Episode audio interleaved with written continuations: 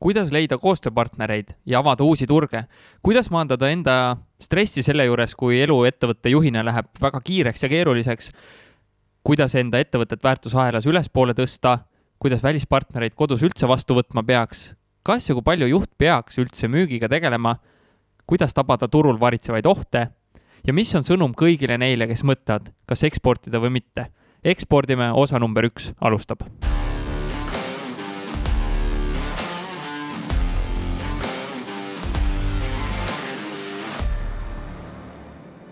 täna on külas mees, kes on mind väga palju inspireerinud ja mitte siis ainult jutuga, vaid tegudega, kellega tahaks alati rohkem aega veeta, sest ta on isiksusena väga põnev ja kellelt on palju õppida. mõned mulle lähedased ja muidu väga teravad inimesed on öelnud tema kohta, et vau, kui maa peal selle mehe kaks jalga on ja, ja ego tal tundub nagu, et ei olegi olemas. ja me olime koos ühel kohtumisel ja ma olin ise sel hetkel parajalt selline stressis, ma küsisin, et kuidas tema stressi maandab mille peale ta ütles lause, mida ma kannan siiamaani kaasas. Timo, päeva lõpuks on see kõik ainult üks mäng. ta asus noore juhina juhtima sellist mainekat ettevõtet nagu Estank, aasta oli kaks tuhat viisteist ja esimest korda oli siis neil joone all miinus, mitte pluss. viis aastat hiljem sellelt kohalt lahkudes on tehtud põlvkondade vahetus, käima lükatud uued suunad, väärtusahelas tõsteti ennast kõrgemale kohale, uued koostööprojektid on alguse saanud, meeskond on kaasatud ning te tehas on ette aastaks täis müüdud. ta ei pelga algatada, algatada muudatusi, millest alguses aru ei saada siis vastu seistakse ja lõpuks ikkagi kaasa tullakse. tema, täna on tema märksõnadeks rohetiiger, uued lahendused Estankis ja juhtimine. taaskord tõestuseks, et mees teeb seda, mida ta räägib, eh, on see, et tema üheks põhiväärtuseks tema isiklikul veebilehel mihkeltammo.com on andmine, aja andmine. ja siin sa oled, andmas nii aega kui sisulist eh, väärtust. tere tulemast Ekspordime podcasti, Mihkel Tammo. tšau uh alati, kui ma kuulan podcast'e, siis neid üdini positiivseid sissejuhatusi, siis ma alati mõtlen, et huvitav, mida need podcast'i külalised tunnevad, et, et sain nüüd selle tunde osaliseks ise ka, et, et aitäh nende lahkete sõnade eest, et oleks ainult oskust ja jõudu nende sõnade vääriliselt elada. tahad sa siin midagi täpsustada või parandada lisaks sellele, et sul on kolmsada viiskümmend paari tosse kodus mis oli ka väga huvitav fakt, mille ma välja kaevasin uh,? paar sõna võib-olla ma enda tutvustust üritan alati alustada justkui isiklikust, mul on kolm põhiväärtust, pere, juhtimine ja andmine. et justkui nende kaudu ja pere poolt siis on see, et ma olen äsja teist korda abiellunud, saamas teist korda isaks. palju õnne! Äh, mu esimene poeg on kuueaastane ja mul on Jack Russelli terrier, kes on üheteistaastane, see on niisugune alati, mis ma tahan välja tuua, et, et ärme räägi kohe justkui ainult professionaalsest ja, ja, ja juhtimise poole pealt siis äh, sa tegelikult äh, rääkisid enamus ära, lihtsalt oluline ongi see öelda, et kuna Estangist ma olen täna oma aktiivse panuse hetkeks lõpetanud, siis nüüd on justkui uued väljakutsed, mis tegelikult Rohetiiger sai mainitud, aga, aga konsulteerin ettevõtteid ja tegelikult paar päris suurt uudist on nagu varsti tulemas, et neid ma lihtsalt täna see hetk ajateljel, kus me oleme, ei saa veel avaldada. aga, aga see tossukirg on jah, üks asi, mis alati tekitab emotsiooni ja, ja, ja on justkui hea tööriist, mida saab ka kasutada selleks, et ärgitada inimestes enda vastu, olgu siis viha või, või, või positiivset emotsiooni, et, et kuueaastasest saati on selle, selle kire ja hobiga justkui tegeletud ja ma julgen väita, et täna Eestis kellelgi rohkem tosse pole kui mul kus sa ise oma selliste põhiväärtusteni jõudsid või kus sa need välja kaevasid või millega sa või millal sa nendega siis üldse nagu süvitsi tegelema hakkasid uh,? See juba alustuseks väga sihuke hea küsimus. Selle sügavus on äh, hoomamatu, mida sa just küsisid, aga, aga eks ta ikka läbi mingite oma valude ja täiskasvanuks saamiste ja tärkamiste tekib see vajadus ennast kõrvalt vaadata, et see on nagu esimene etapp. Ja, ja kui sa kõrvalt ennast vaatad, siis sa hakkad ka justkui analüüsima, et, et, et mida ma tahan ja, ja kas ma tõepoolest elan sellist elu, et, et ma, et ma liigun selles suunas, kuhu ma tahan liikuda ja siis sa tahes-tahtmata jõuad nende väärtusteni ja, ja, ja nende kirgedeni, mis sind kõnetavad, et, et eks, eks ta ongi nii olnud, et ühel hetkel kuskil kahekümnendate alguses ma mingisugusele sellisele isiklikule rännakule nagu jõudsin ja sealt on olnud see üks teekond ja see teekond jätkub ilmselt elu lõpuni, sest see alati, kui sa arvad, et sa juba oled pihta saanud, siis järgmine hetk saad millegagi vastu pead, mis äh, annab sulle mõista, et, et väga palju on veel edasi minna. et kõrvalt vaadates tundub, et äh, kuulates ka sinu ühte podcast'i episoodi, et sa oled kogu aeg astunud targalt neid samme ja planeerides enda elu ette, kas midagi on olnud sellist ka, mis nagu üllatab ja mida sa ei ole planeerinud, alates Kossu meeskonna juhtimisest ja e-poe omamisest ja sellisest juhtimise kogemuse omandamisest, siis võttes Estanki ja siis jälle sealt ära astud, välja astudes nii-öelda, et sa oled nagu väga teadlikult liikunud kogu aeg vist jah, ma olen ise ka selle peale mõelnud, aga, aga lõppkokkuvõttes kõik need ideed ja plaanid, ega ei ole midagi garanteeritud. Et, et, et just asjad nagu nii lähevad, vaata, pigem ongi see, et, et kes kutsub õnneks, kes ütleb, et sa oled nagu aru saanud suuna töötad selle suunas, siis enamasti need nagu asjad joonduvad nii, et need asjad juhtuvad, on ju, aga, aga sama hästi oleks võinud see lugu olla kuidagi teistsugune, ma arvan, et aga, aga siiski selles suhtes see on küll üks asi, mida ma enda puhul olen tunnetanud, et justkui nagu teha selliseid teadlikke valikuid ja siis töötada nende suunas, et, et see toimub ka praegu mingis mõttes mu elus no, ja Estankis sa ju tegid tegelikult jällegi nii-öelda kõrvalt vaadates väga-väga teadlikke samme, et ma küsingi nii, et kui sa kaks tuhat viisteist läksid, mis olid need sammud, mida sa müügi suunas astuma hakkasid? Uh...? et see miinusest tehas välja tuua jaa, no võt-, võttes selle müügifookuse, siis ma esimesed võib-olla kolm aastat tegelikult olingi paralleelselt põhimõtteliselt ka nagu müügijuht samal ajal kui nagu tegevjuht, et see oli, see oli nagu hästi keeruline.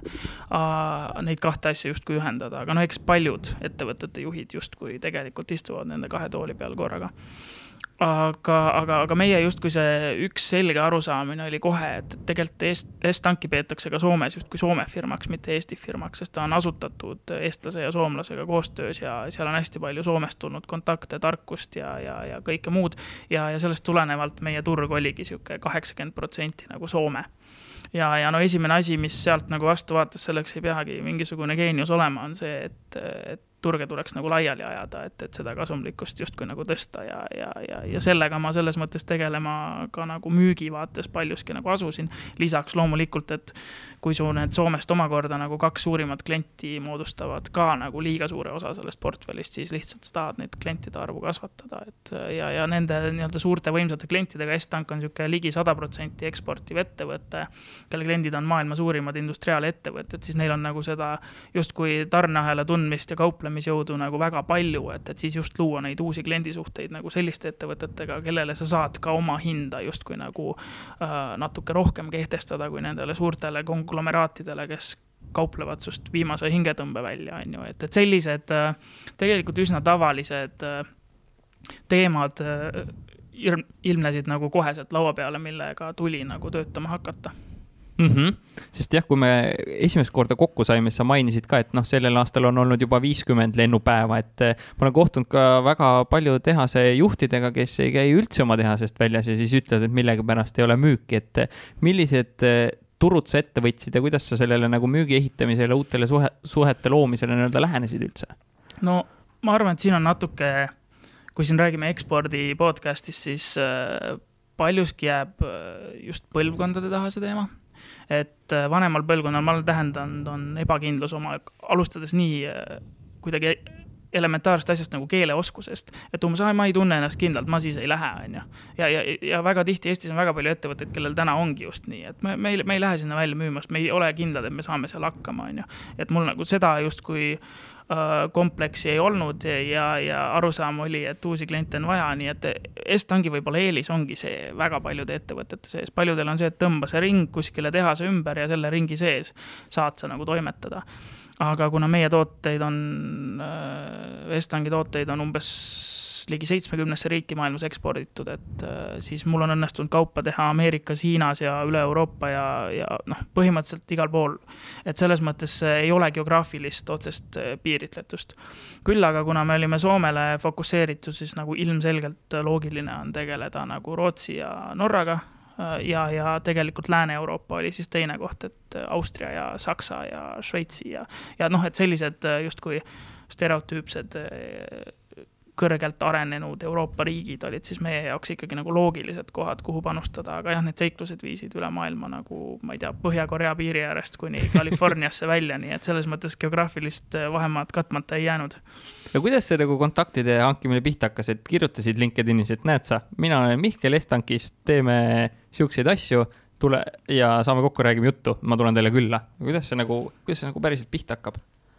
Jah, nagu tööriistana LinkedIn'i ma julgen nagu väga selgelt välja tuua, sest paljud siiamaani ei oska minu arvates selle nagu äh, kasu mõista, et, et kui ma käisin reisidel, siis tegelikult mul käis üldiselt vastupidi, et need reisi, reiside kontakti loomised käisid ikkagi mingite agentuuride kaudu ja keegi, kes selle reisi sinuga koostöös sulle nagu siis üles pani, et need kohtumised kokku leppis ja nii edasi, sest et noh, ega, ega just B2B äris ja sellises industriaaläris siis seda, et kuule, ma nüüd tahan tulla sinuga kokku saama stiilis asja ei võeta nagu vastu lihtsalt. aga olles juba nagu ära kohtunud, siis tegelikult nendest meie klientidest sihuke stiilis kümnest üheksa ma LinkedInis nagu pärast seda sain üles leida ja luua selle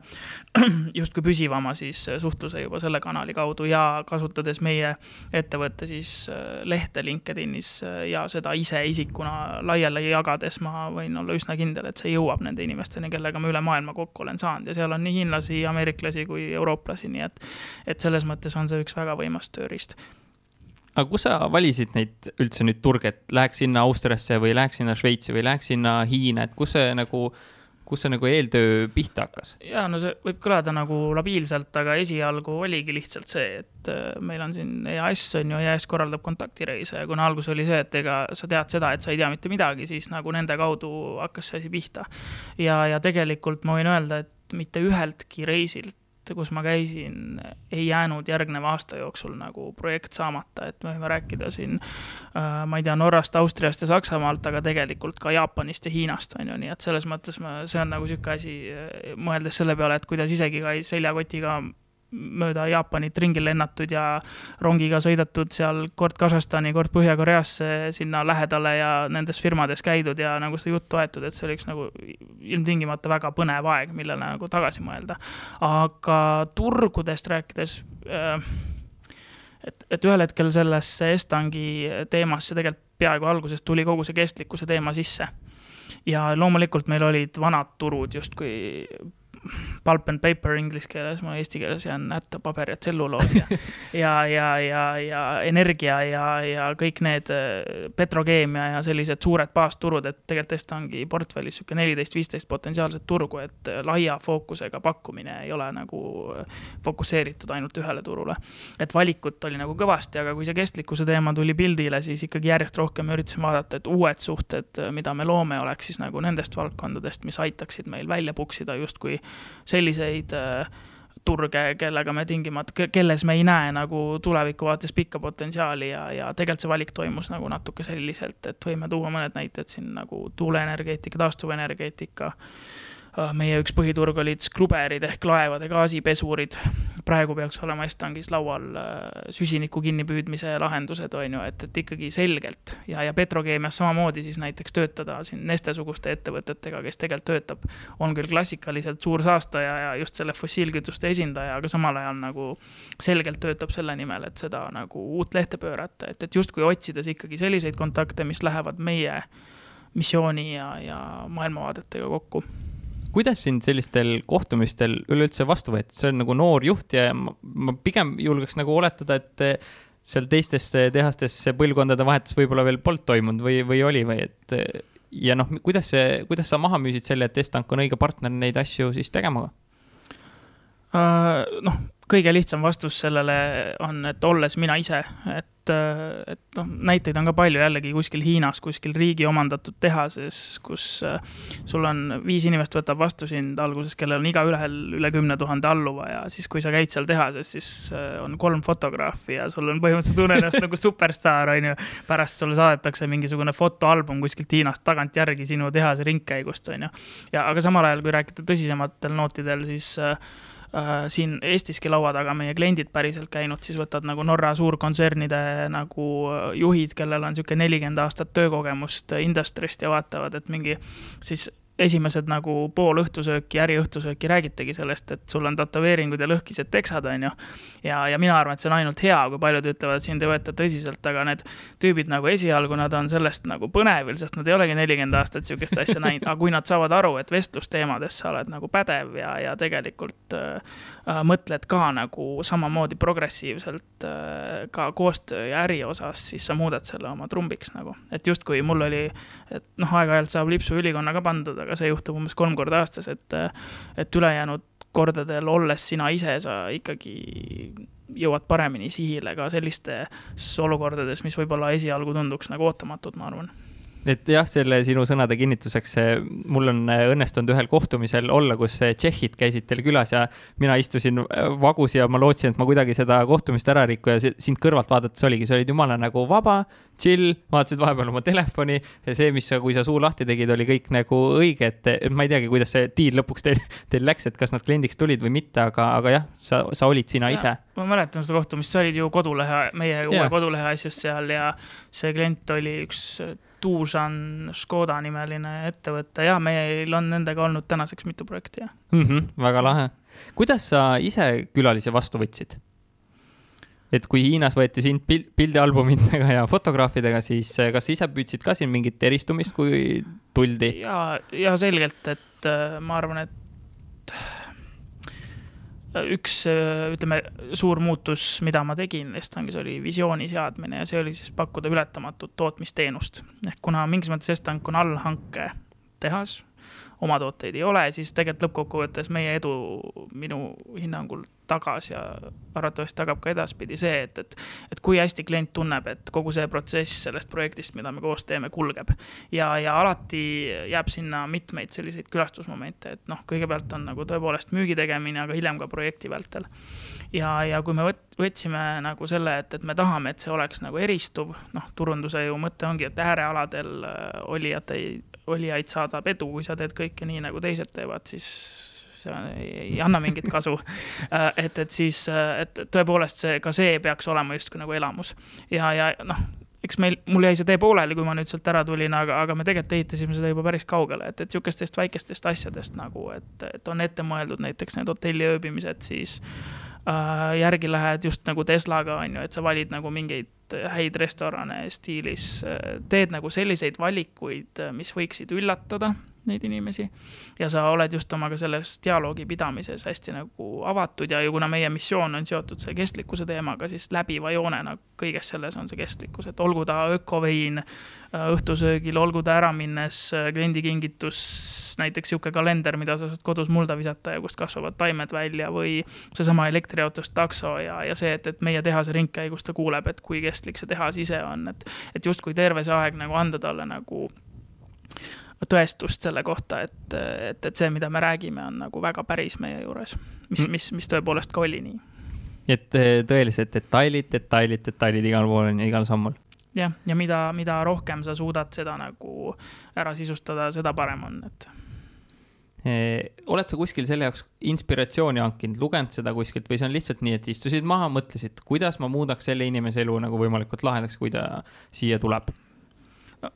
ma arvan, et igas äris, iga äri on minu jaoks süsteem ja, ja tegelikult igas äris on nagu põhiprotsessid ja, ja see client intimacy või sihuke,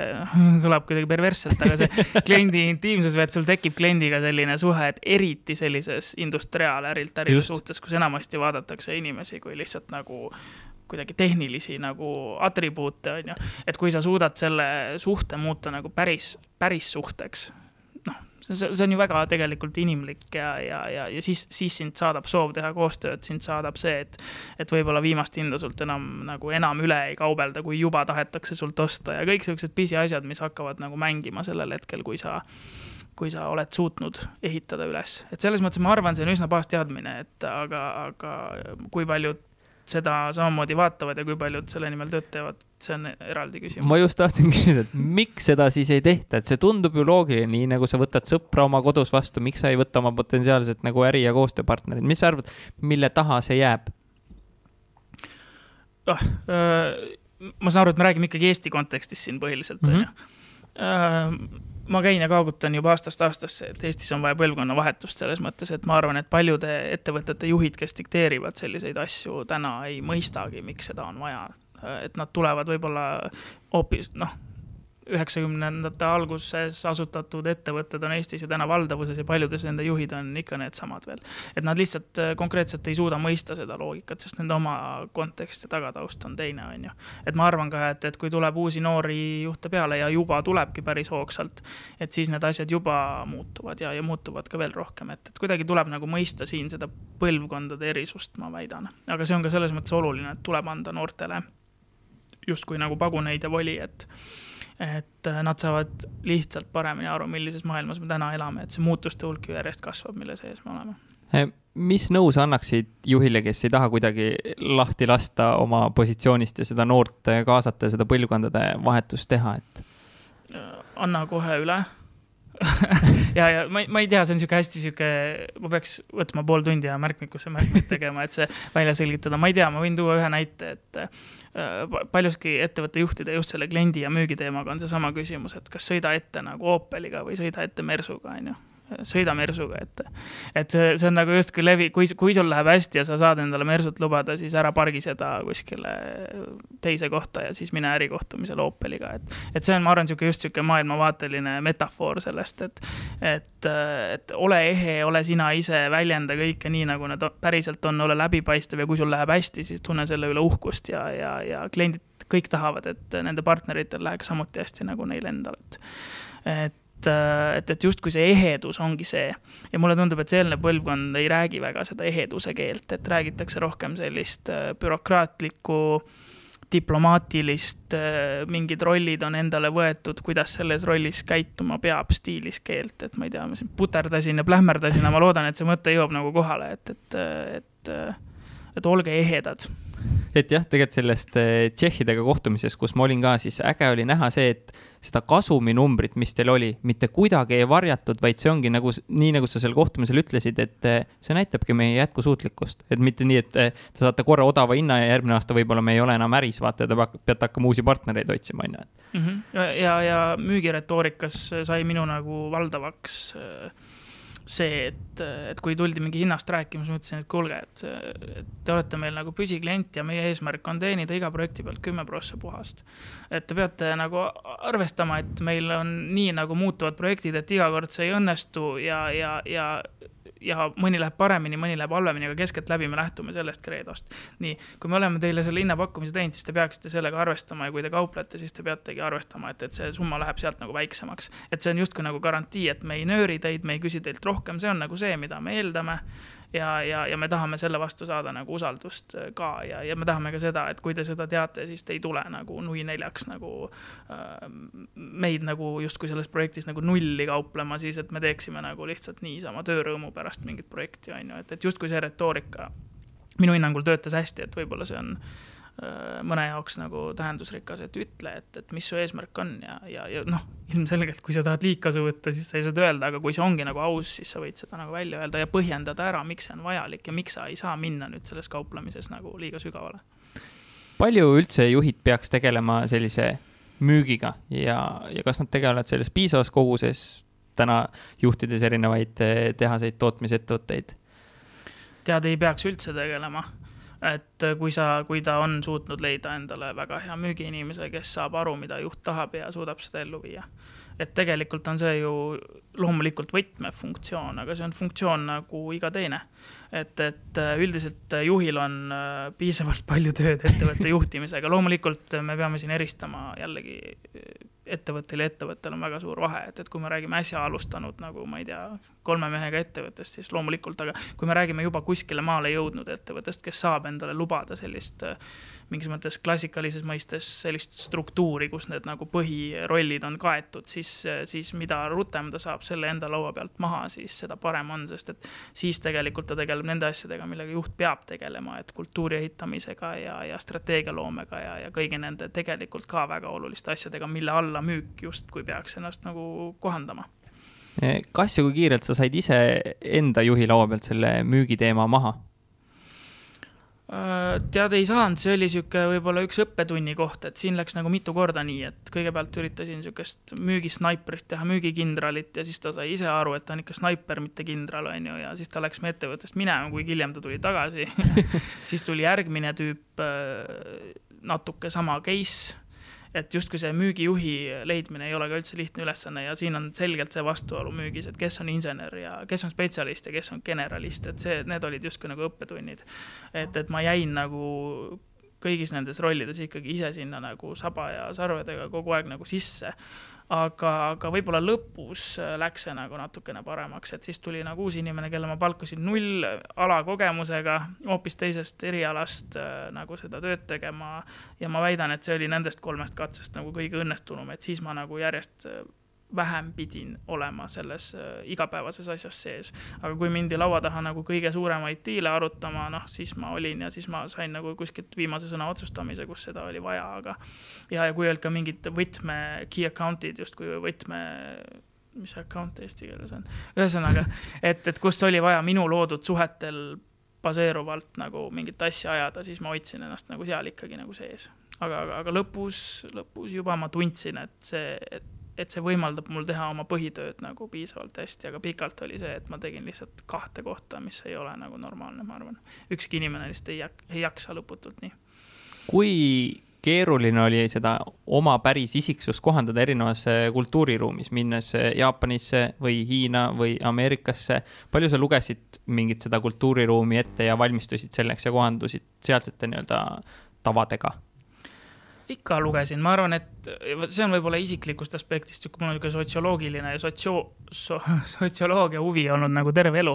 et, et kuskile minnes sa tahadki natukene mõista, mismoodi nemad mõtlevad ja siis see on selle Estangi töö juures oli üks ägedamaid kogemusi käia ja näha, kuidas päriselt nagu see kultuur on. Äh, et, et kuidagi ma arvan, see on nagu sihuke, ma ei tea, kas haritud on õige sõna, aga sihukese mõistliku inimese nagu tava, et ta viib ennast kurssi sellega, kuhu ta läheb. aga, aga see, see, see, ei ole kuidagi raske. et selles mõttes väga tore on seal hiinlastega saad äh, laua taga süüa ja juua, on ju, ja, ja jaapanlastega pead olema justkui reserveeritum ja, ja ma ei tea, siin Põhja-Euroopas justkui noh, rohkem sihuke, kuidas nüüd öelda, protsessipõhine, kandiline ja veel hullem seal Lääne-Euroopas ja noh sa suudad kohandada, aga selles, sellesse kõigesse sa saad jätta selle iseenda nagu alles, sest et äh, nad ju ka ei eelda, et sa oled kohalik, aga et sa lihtsalt ei ole justkui nagu matt selles olukorras mm, -hmm. et mhm. sa ei võta arvesse seda, kuidas nende kultuur on, et, et see tuleb igal juhul teha. et Jaapanis oli küll üks case kus äh, Mitsubishis oli, mis on see heavy industries ilmselge nagu konglomeraat on ju üks seal Jaapani nendest suurest, suurest neljast või kes neil on seal.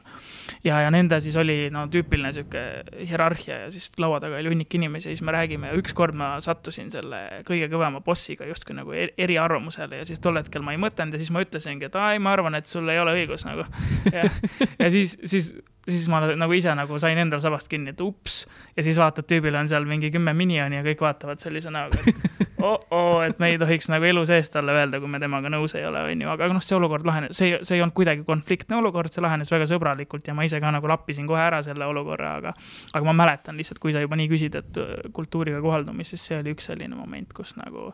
et nagu tundsin, et, et, et justkui siin oleks võinud nagu paremini kas on mõni turg, mis jäi kättesaamatuks ka või oli raske läbi murda ja mis põhjused need olid seal mm,?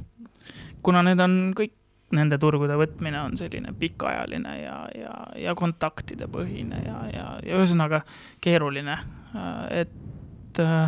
siis ma mõtlen selle küsimuse peale korraks, et pigem vist ei jäänud, ma ütleks, et äh, kui me alustasime, et me olime Soome turule umbes kaheksakümmend protsenti keskendunud, siis sellel hetkel, kui ma ära tulnud, tulin, siis see loomulikult sõltub projektidest ja kõigest, aga oli see Soome turu osakaal umbes kakskümmend ja seal oli juures nagu kõike muud. et selles mõttes äh, need kohad, kus me fookused panime, me nagu saavutasime. ja ka paljud asjad ei olnud ka nagu, noh, vaata paljude turgude puhul ongi keerulisem, kuskilt maalt rääkisime ka nagu Vene turuteemadest ja mingitest sellistest muudest, kuhu minek ongi nagu hoopis teine ooper, on ju, ja ja lõpuks ongi küsimus, et, et sul on nagu mingisugused ladvaõunad ja mingid madalamad õunad ja, ja sa ikka nagu sirutad enne nende madalamate õunade poole, nii et, et kui mõelda just nendest realistlikest turgudest, siis igal pool on võimalik äh, ära teha ja ma arvan, et meil läks võrdlemisi hästi. kust need kiired võidud teie jaoks tulid, mis need madalad õunad olid, mis te kohe ära noppisite? noh äh,,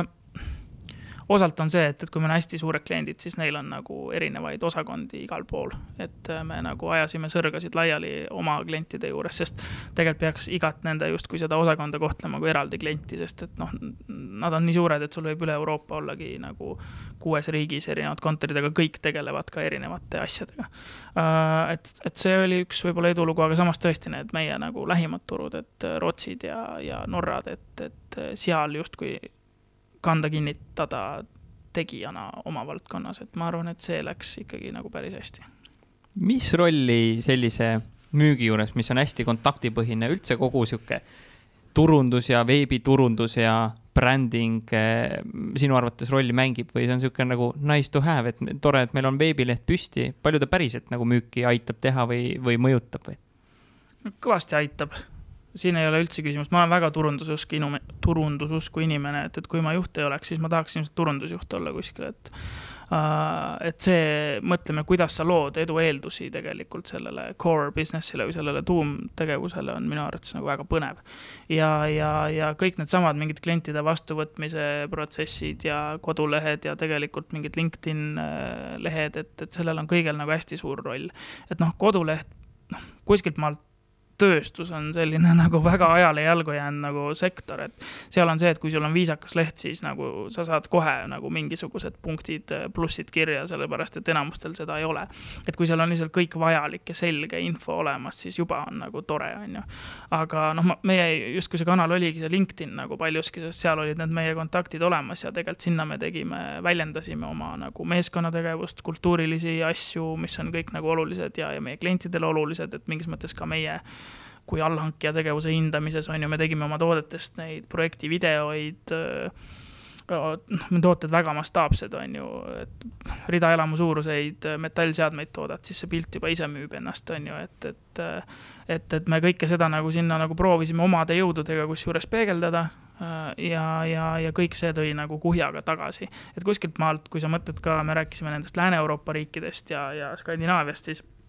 nende jaoks oleme äh, see võib kõlada nagu ootamatult, aga paljuski me oleme ikkagi see Ida-Euroopa ja nagu pommi otsas. et et, et, et kui sa näitad, et kuule, meil on uus tehas, meil on nagu noh, keevitusseadmed on justkui keevitusseadmete mersud, on ju, meil on nagu mingid sellised nagu tundemärgid olemas, mida nad hindavad ja sa saad seda just selle kommunikatsiooni ja brändinguga edasi anda, siis, siis tekib see usaldus. siis neil tekib üldse huvi siia kohale tulla ja see asi oma silmaga üle vaadata. ja kui nad näevad, et noh, päriselt ongi nii, on ju, mul küll ja veel, ma julgen väita, mitukümmend kohtumist olnud, kus tuleb mõni hollandlane või kes iganes, et no et saad aru, hollandlane nii lähedal, no miks ta peaks Eestisse tulema, on ju, aga nüüd tööasjus tuleb ja siis vaat, kuule, ma arvasin, et siin on umbes mingid varemed enam-vähem nagu kuskil, ma ei tea, seal Balkani poolsaarel, et teil on siin ülilahe kesklinn, vanalinn, kõik on nii modernne, vaatan parem kui meilgi. et neid vestluseid ma olen pidanud kümneid. et selles mõttes mingit moodi ka Eestit nagu kaardile panna nende, nende inimeste jaoks, et, et, et et äh, ja paljuski see on tihti võimalik tänu sellele, et tänapäeval ju nii-öelda digikanalite kaudu sa saad selle mulje endast luua nagu noh,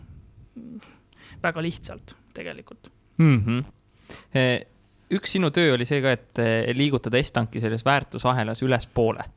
Mhm. kuidas see, kuidas see käis ja mis sa tegid, et ei oleks enam lihtne allhanke ettevõte mm? -hmm. Äh, väga keeruline ülesanne äh, eriti ligi kolmekümne aastase ajalooga ettevõtte puhul äh,. eks me üritasime paljusid asju teha natuke teistmoodi, teha mingeid raamkokkuleppeid koostööks, äh, üritasime justkui mööda hiilida ja meie klientidest, et, et tihti mingid turud annavad sulle selleks nagu võimaluse, me kompasime igasugu erinevaid võimalusi ja tihti võib öelda, et noh füüsikaseadused nii-öelda kehtivad, et kohe, kui sa üritad seda teha, siis need, kelle arvelt sa üritad seda teha, panevad ikka kohe eriti sõrad vastu, on ju. et see on üks ikka väga raske ülesanne, et, et pigem on oluliselt lihtsam seda nagu alustada uut ettevõtmist mingi konkreetse fookusega, kui minna juba nagu niimoodi väärtusahelas tõusma, sest sul on needsamad kliendid, kelle arvelt see võib tulla, partnerid, mis iganes, et noh, ma julgen öelda, et ilgelt raske. aga meil õnnestus saada ka vahendustasusid siin mingite projektide pealt, olla justkui tehnoloogiapartnerid mingitele ettevõtetele, et aidata valideerida nende vähem kvalifitseeritud äh, allhankijaid, on ju, ja, ja õnnistus, õnnestus teha projekte, suuri projekte rahvusvaheliselt mitmete ettevõtetega koos, et mida me ise ei oleks suutnud ära teha ja, ja, ja, ja käivitada justkui noh väärtusalast kõrgemale tõusmine see just ei ole, aga, aga allhange tegelikult äh, peaaegu nullist viia viie miljonini ühe aastaga, et, et selles mõttes me tegime ikkagi selliseid päris suuri liigutusi, mis mõjutasid meie olemust ja meie käekäiku. Ja nüüd lõpuks jõudes selleni, et kuidas see nagu päriselt peaks juhtuma, see oli üks tähtis asi, mis mul jäi pooleli, et me alustasime siis nagu teadus- ja arendustegevusega, et äh, lõime selle osakonna eelmisel aastal sinna ja minu teada see tänaseni seal püsib, et, et kelle töö peakski siis olema tegelikult jõuda nende Äh, oma toodete ja selle, selle kõigeni, selle roosa mannani, mida kõik tahavad, et aga, aga ma väidan, et kui, kui mul ei oleks seda põhja all ja ma ütleks, et nüüd ma hakkan innovatsiooni tegema, siis mõttetu. et, et justkui see pinnas oli nagu ka juba rajatud, et nüüd juba võib hakata tegema mm. -hmm. Priit võttis juhtimise sinult üle või sina andsid selle, on ju, üle. mida sa talle müügi osas kaasa laususid või millele tähelepanu pöörata või kas sa üldse midagi ütlesid? Ma ei tea, ma arvan, et meil ei olnud sellist vestlust, et äh, Priit on ju finantsjuhi taustaga, et, et otseselt äh, ma arvan, et ta müügis peabki nagu rajanema sellele, et, et on head müügiinimesed teised ees et ma ei, ma, ma ei oskaks näha täna seda ausalt öeldes tema justkui sellise tugevusena, aga samas äh, oli tal võimalus ju pea kahe aasta jooksul vaadata kõike seda kõrvalt, nii et, et eks, eks see ongi justkui see, et, et, et kuidas see olukord teda sunnib ja, ja, ja, ja, ja, ja kuidas ta ise nagu suudab enda jaoks selle asja ära mõtestada et meil ei olnud sellist äh, otseselt müügivestlustest, nagu lõpus ongi see, et, et tegelikult äh, mu ikka primaarne rõhk sai juba minna nagu juhtimisteemadele, et, et justkui nagu müügi, müügistruktuur toimis nagu juba täitsa hästi. mis see, mis need tegevused olid, mida sa juhina siis tegema hakkasid, mis need nagu sinu jaoks olulised asjad olid, millele sa aega võtsid mm? -hmm. no laias laastus äh, ma juhina vaatan seda kuidagi nii, et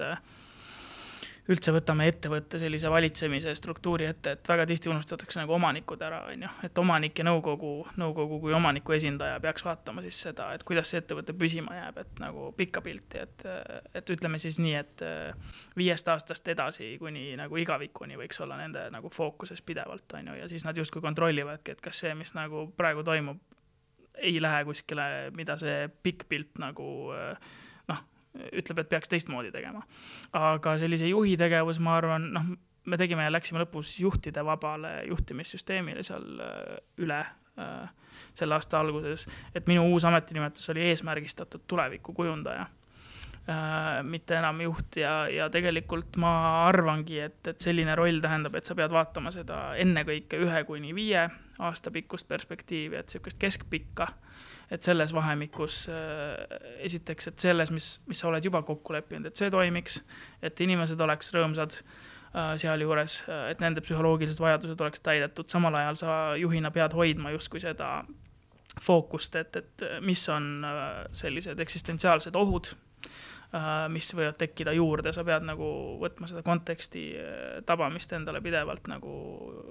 jõuga justkui, et sa teed seda, sest paljud ei, muidu ei suuda seda teha või enamus ei teegi seda. Äh, ja, ja tegelikult sa pead aru saama ka uutest tekkivatest võimalustest, on ju, ja siis sa pead tegelikult hoidma sidet selle justkui selle valitsemise tasemega ja selle kõige kaugema tulevikuga, et, et, et sa, et sa vastutad keskpika eest, aga see peab olema kooskõlas selle kõige pikema vaatega. noh, kui sa nagu umbes mõtled, et see on küll väga abstraktne kirjeldus, aga, aga, aga mida see kõik võib endast tähendada, siis võiks nagu aru saada, millega juht peaks tegelema ja mul tegelikult umbes viimase aasta jooksul nagu õnnestuski nagu vähem või rohkem sellist nagu juhtimist teha ja selle üle ma olen väga tänulik, sest ma arvan, et Eestis on väga palju juhte, kes võib-olla juhivad terve elu, aga kunagi ei juhi päriselt justkui või ei tee seda, mida juht peaks tegema. ma loodan, et sa siis eh, selle juhtimisklubiga õpetad ja koolitad ja annad seda enda tarkust kindlasti edasi, on ju, neile. oma, oma kogemust ja, ja üldse ka selles praegu selles konsultatsioonitöös, mida ma ka paralleelselt teen, et Äh, üritakski justkui seda nagu jah, edasi anda ja, ja, ja tegelikult tihti kõrvalt nähes sa näedki, et kui raske see on et, et Eesti mõistes on ju Estbank ikkagi arvestatava suurusega ettevõte, kui me räägime kahekümne viie miljoni ettevõttest, siis aastakäibes, siis äh, kui sa võtad need äh, üks kuni viis miljonit ettevõtet, siis sa näed, see nende argipäev tundub ikka väga keeruline. Ja, ja siis tegelikult vahepeal ongi, sa pead nagu aru saama, et millal see, kui sa lähed seda teooriat rääkima, on nende jaoks see, et nad tahavad sulle jalaga näkku lüüa. Või see, et nad nagu tihti on lihtsalt nagu saavad ka aru, et okei okay,, see on nagu suund ja, ja me peame nagu leidma need noh, võimalused ja, ja ka meie äri sinna nagu ehitama, on ju, et, et lõpuks see ikkagi on nagu õige lähenemine asjale, sest et see, kui sa oled seal firmas ja teed kõike korraga, siis noh, sa samal ajal nagu vead ja samal ajal pärsid ka seda arengut. kui sa nendele juhtidele konsultant oled, mis sa näed, millised mõttelaadid nendel juhtidel nagu takistavad neid endid kõige rohkem? no ütleme, et kogemus veel pigem lühike, on ju, mhm. aga, aga, aga eks, ja siin toimub ka selge nagu selektsiooniprotsess, et ma ise nagu ei taha teha tööd kellegagi, kelles ma ei näe nagu, et ma võiksin olla talle kasuks. ja, ja ilmselt see on vastupidi ka, et, et keegi peab justkui, meil peab sihuke klapp ka tekkima, on ju. aga, aga võib-olla ongi see, et, et hästi palju on seda, et ma pean jõudma kõike teha ja, ja see on nagu väga ohtlik trend ja ma arvan, seda peaks juhtimises nagu võtma tõsiselt lauale, et, et inimesed tihti ei mõtle selle peale, sa intros rääkisid just, et ma ütlesin sulle, et mingi lause, mis on sinuga jäänud, et see, et see kõik on lõpuks mäng mm. -hmm. et see tekib kuidagi see teema, et kuule, et see on see ettevõte, mis sa siin teed, on ju et noh, et, et kui seda ettevõtet enam maailmas ei oleks, mis siis juhtuks? noh, mitte midagi, sa võid vastata ükskõik millise nagu ettevõtte kohta, on ju. mitte midagi ei juhtu, oleks mingi teine ja aga, aga väga paljud võtavad seda ühel hetkel, nad ei saa isegi aru ja see on nagu kõik, mis nad on. ja juhina on see nagu väga lihtne juhtuma. ja siis äh, lihtsalt, kui sa mõtled meid kui evolutsioonilisi produkte, loomasid, siis meil on mingi suutlikkus äh, kohastuda ja kui me räägime sellest, mis ümberringi praegu toimub, see tempo kasv ja kõik, siis me ei ole suutelised sellise stressileveliga toime tulema. seda enam, kui sa üritad kõike korraga teha ja need inimesed äh, noh, järjest lihtsalt sa kannad neid inimesi maha ja see juhtub ja see on toimunud juba pikka aega, aga nüüd see hakkab veel rohkem juhtuma, sest see muutuste, muutuste arv on nagu veelgi kasvanud ja kasvab veelgi, ehk siis juhina sa ei jõua teha kõike, sa pead tegema selektsiooni sellest, mida juht päriselt peab tegema või kui sa juhid väiksemat ettevõtet, siis sa pead lihtsalt seadma need prioriteedid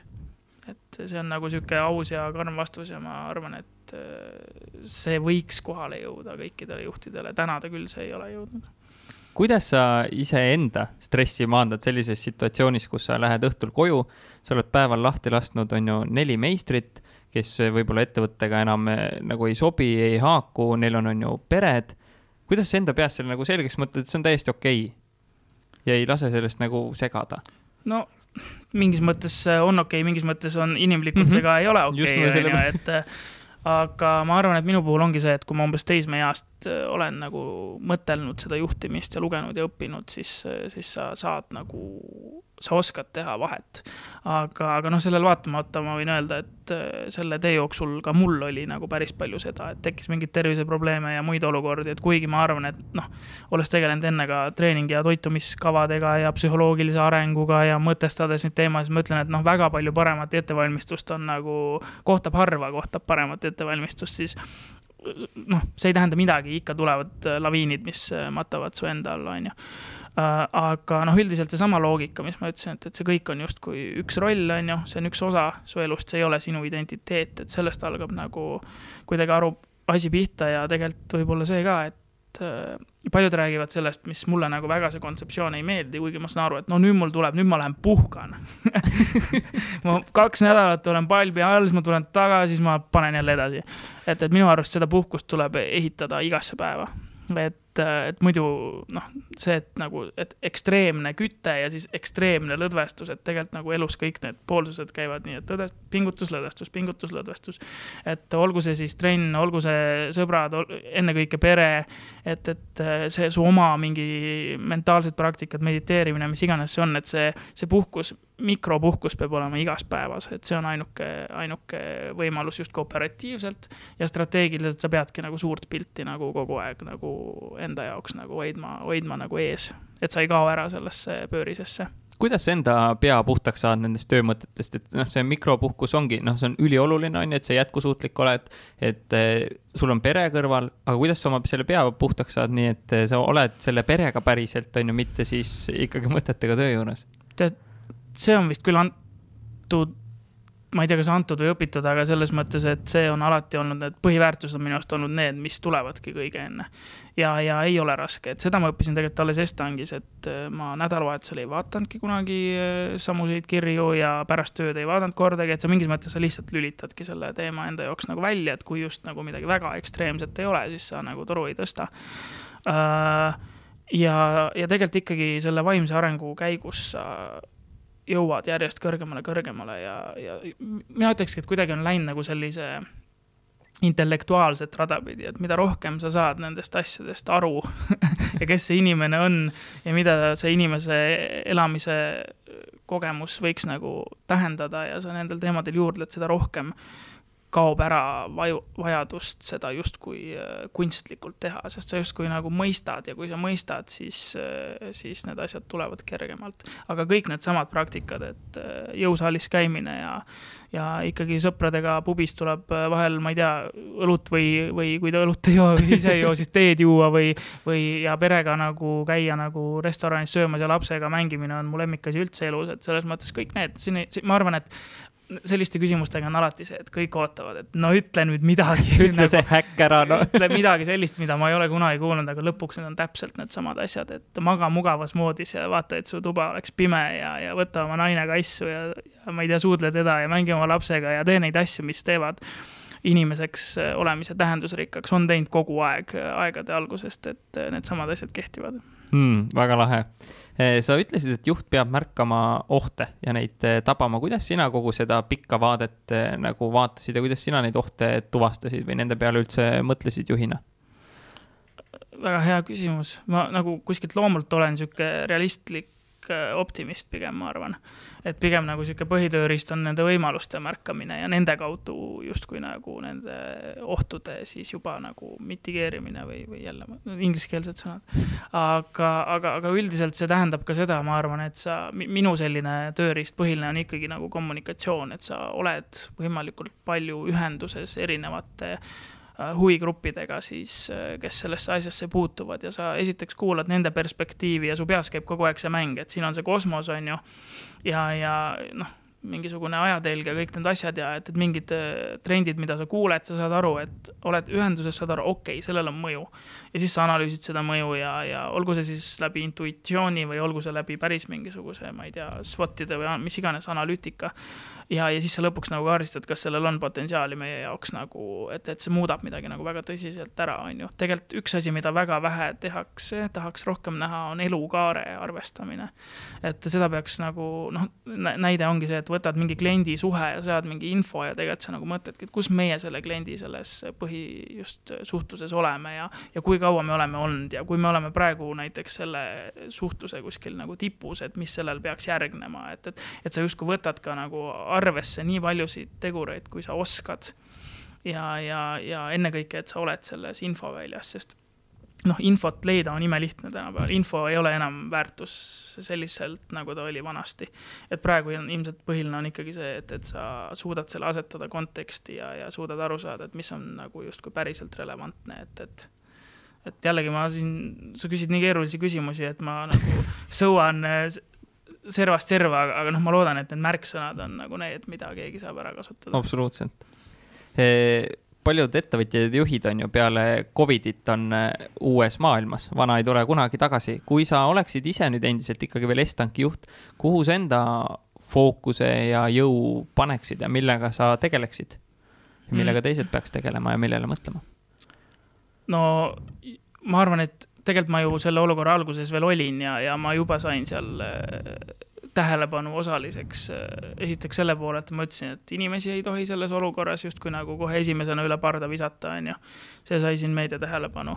aga mis ma majasiseselt tegin, ma ütlesin, kuulge, et, et vaata, nüüd on nii, et paljud ütlevad, minge koju, nüüd me laseme asja lõdvaks ja nüüd me usaldame teid, on ju. ma ütlesin, et kuule, Estangis me oleme kogu aeg usaldanud teid, aga nüüd me hakkame kontrollima et nagu näide oli see, et, et kui ma ei tea, Navy Sealid lähevad Osama bin Ladenit püüdma, on eriolukord, mis meil tekkis, eriolukord, siis on vaja justkui nagu seda tegevust äh, tõmmata nagu rohkem äh, mingitesse raamidesse selleks, et see asi püsiks nagu, et, et sa saaksid aru, mis on äh, versioon A, B, C kõige parem, kõige halvem, mis võib juhtida ja siis me ikkagi juhime seda, et me võtame mingi riski, aga sealjuures arvestame ka ohtudega, mis nagu Eestis hästi palju tehti, et kõik võtsid selle kõige hullema riski endale kohe tuppa ära, on ju, ja siis äh, ei mõelnud üldse selle peale, et kuidas sellest pärast nagu väljuma peaks sellest olukorrast, on ju. et mina võtsin tol hetkel umbes niisugune nädal aega, istusin ja mõtlesin ja lugesin ja uurisin, et noh, ma ei tea sellest midagi, aga üritasin nagu panna ennast aru saama, et, et mida see tähendab, selline olukord ja, ja humble brag võib-olla, aga siiamaani ma võin öelda, et ma arvan, et ma sain õigesti aru ja täna need uudised, mis ma loen, ma näengi justkui, et seda arutluskäiku, mis tol ajal selgeks sai, nagu nüüd hakkavad need jõudma kuskile ühiskonda ja needsamad äh, järeldused hakkavad justkui tekkima ka meediasse ja mujal, on ju. et me selles mõttes tegime just nii, et me justkui nagu ütlesime, et kuule, nüüd me peame rohkem kokku hoidma ja olema senisest konkreetsemad, kui kõik teised läksid koju, siis ma ütlesin, et kuule, teeme nii, et meie nüüd äh, oleme kõigepealt nagu lihtsalt kolm päeva nädalas oleme tööl, kaks päeva oleme kodus ja nagu ehitame seda samm-sammult ja siis me lõpuks läksime seal kahe peale, siis uuesti kolme ja siis tagasi nelja ja siis viie peale. et justkui nagu, et, et, et püsiks kontrollis, sest kui see on ebamääramatu, tähendab, määramatuse kasv on nii hull, siis see juhi töö ongi ju võtta sellel hetkel vastutust. aga paljud juhid nagu sel hetkel tõmbasid tagasi ja ütlesid, kuule nüüd inimesed, nüüd see vastutus on teie peal. ja, ja meie lihtsalt vaatame, mis juhtub. ja kuhu see maailm läheb, ma vastasin sulle oma küsi-, tegin sulle oma vastust, et see maailm läheb sinna suunas, kuhu on kogu aeg teada olnud, et needsamad kestlikkuse teemad kiirenevad ja, ja vajadus veelgi nagu tõuseb nende järele, et, et et eh, noh, igaühe valida, mis sõnumeid ta sellest olukorrast nagu välja võtab, aga paljud eh, loevad ju välja ka seda, et, et see on justkui nagu emake maa, kes nagu näitab meile oma okkaid nüüd, et äh, mingid teadusuuringud, et, et kui me oleme nii palju metsa maha võtnud, siis tegelikult sagenevadki loomadelt inimestele haiguse ülekanded, sest noh, see, see ongi selle tulemus, on ju, ja nii paljud asjad, et et see võimaldab minu hinnangul meil seda transformatsiooni ja teadvust edendada just, justkui nagu kiiremini kui ilma ilma selle olukorrata. et, et äh, ja see on minu arvates nagu positiivne, aga noh, samal ajal vaatad valitsevaid äh, äh, nii-öelda otsustajaid, kes meil siin valitsevad, siis tahaks, et nemad ka sellest aru saaks. jah, aga võib-olla veel ei ole kohale jõudnud. jah, lõpuks ikka jõuab mis su enda sellised edasised suunad ja, ja väljakutsed on, et eh, Rohetiigrit ma mainisin, räägi kuulajale, mis see sinu jaoks eh, tähendab, mis sa seal teed ja mis on see järgmine suur ühiskondlik muutus, mida sa tahad esile kutsuda ja kindlasti kutsud uh,? Selle teemaga ongi nii, et see sissejuhatus on see, et noh, Estangis oligi seesama kestlikkuse teema oli ees ja taga ja kui ma sellest neli aastat tagasi rääkima hakkasin, keegi ei saanud aru, et mida sa räägid. et, et tegelikult mul oli tol hetkel pikka aega see ootus, et võiks meil tekkida keegi, kes suudaks sellist muutust ühiskondlikult nagu juhtida, et, et see oleks äge. ja, ja eelmisel aastal Sustineere siis ühe agentuuri tänuõhtul tuli see jutuks, et nüüd on niisugune asi siin, algatame siin Eestis ja mul oli, noh, lõi nagu kohe nagu kõrvad kikki, on ju. ja, ja, ja noh, mingi suhtluse me tol hetkel alustasime, kui ma ära tulin, siis nagu järgmine päev siis see algataja, siis Eva Truuberg helistas, kuule, tule nüüd minuga koos seda nagu juhtima, ehk siis ma olen seal ka üks eestvedajatest ja, ja miks see on äge, on noh, nende taust on see maailmakoristus, et see on ju kõige suurem projekt, mis Eestist on kunagi tehtud. et mul oli ka see usk, et nad oskavad selliseid asju teha, sest kui lihtsalt nagu inimene ütleb, et kuule, ma nüüd hakkan siin riiki pöörama ja siis maailma pöörama, siis noh, see, see on kõige raskem võimalik eesmärk, mida endale võtta, siis et nende puhul justkui on see nagu usaldus olemas ja, ja noh, see mõte on see, et, et kui kunagi oli Tiigrihüpe, kes tegi Eestist digiriigi, siis nüüd on Rohetiiger, kes teeb Eestist kestliku riigi. et see on nagu kõige nagu lihtsustatumalt see mõte ja, ja isiklikust vaatest sattusin siin Jordan Petersoniga podcast'i taskuhäälingut kuulama, kui sotsioloog siis, kus ütles ka, et, et ega mehe mõõt ei ole varandus, sest varandus tuleb ja läheb. mehe mõõt on see, et kas ta suudab ühiskonnas midagi paremaks teha ja, ja see kuidagi nagu väga tugevalt äh, mind äh, puudutas ja see tuli umbes just sellel ajal, kui mul oli vaja seda kuulda, nii et. et, et see ongi nüüd üks see roll, et äh, näha, kuidas see õnnestub ja ma võiks öelda, et selle idee aeg on küps, mulle tundub, et meil täna ei ole raske saada kaasa ei äh, riiki äh,, ei ole raske kaasa saada Eesti suurimaid ettevõtteid ja juba need paljud projektid nagu töötavad, nii et ma usun, et sellest tuleb midagi väga vinget ja Eesti uus edulugu, et, et see on siis niisugune vaade. aga